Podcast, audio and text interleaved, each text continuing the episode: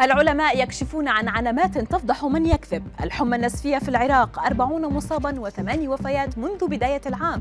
ومتى عليك استبدال إسفنجة الجلي؟ دراسة تجيب. أبرز أخبار الساعة 24 الماضية في دقيقتين على العربية بودكاست. كشف علماء النفس مؤخرا عن سبع علامات تدل على أن الشخص الذي أمامك يكذب عليك. أولها النظر فبحسب العلماء غالبا ما يطيل الكاذبون التواصل البصري لتعويض الكذب بالنظر في محاولة لإقناعك بالكذب. ومعدل الرمج سيزداد أيضا عندما يقوم الشخص بالكذب. ويميل الكاذبون إلى الرد بإجابة على سؤال مختلف تماما كما أن نبرة صوتهم تميل إلى الارتفاع. ويكرر الكاذب السؤال الذي يطرح عليه في الإجابة. ما يمنحه مزيدا من الوقت لتكوين إجابة. كما أن تغيير اللون في وجه شخص ما يمكن أن يكون أيضا علامة تدل على أن الشخص يكذب. أعلن المتحدث باسم وزارة الصحة العراقية تسجيل البلاد منذ بداية العام 40 إصابة بالمرض الفيروسي الذي يعرف باسم حمى الكونغو غالبيتها في الجنوب وبينها ثمان وفيات. وكانت وزارة الصحة قد قالت أن الأكثر عرضة للإصابة بالمرض هم مربو الماشية والعاملون في مجال الجزارة.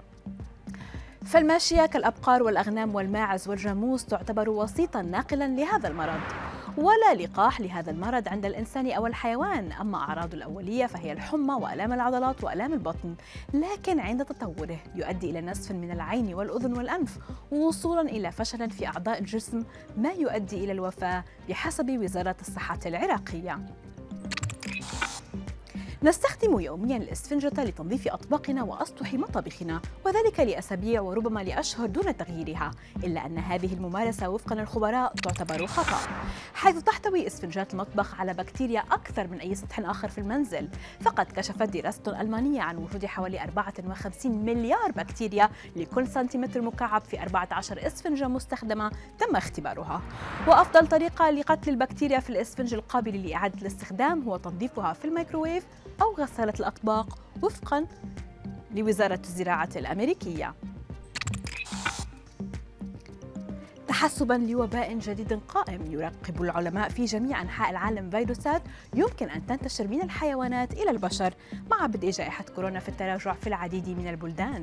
ومن المعروف أن العديد من الفيروسات الأكثر تدميرا في تاريخ البشرية نشأت في الحيوانات وتطورت لتصيب البشر. فيما استضافت الخفافيش والجردان والقرود والطيور مجموعة متنوعة من مسببات الأمراض التي قفزت فيما بعد إلى البشر.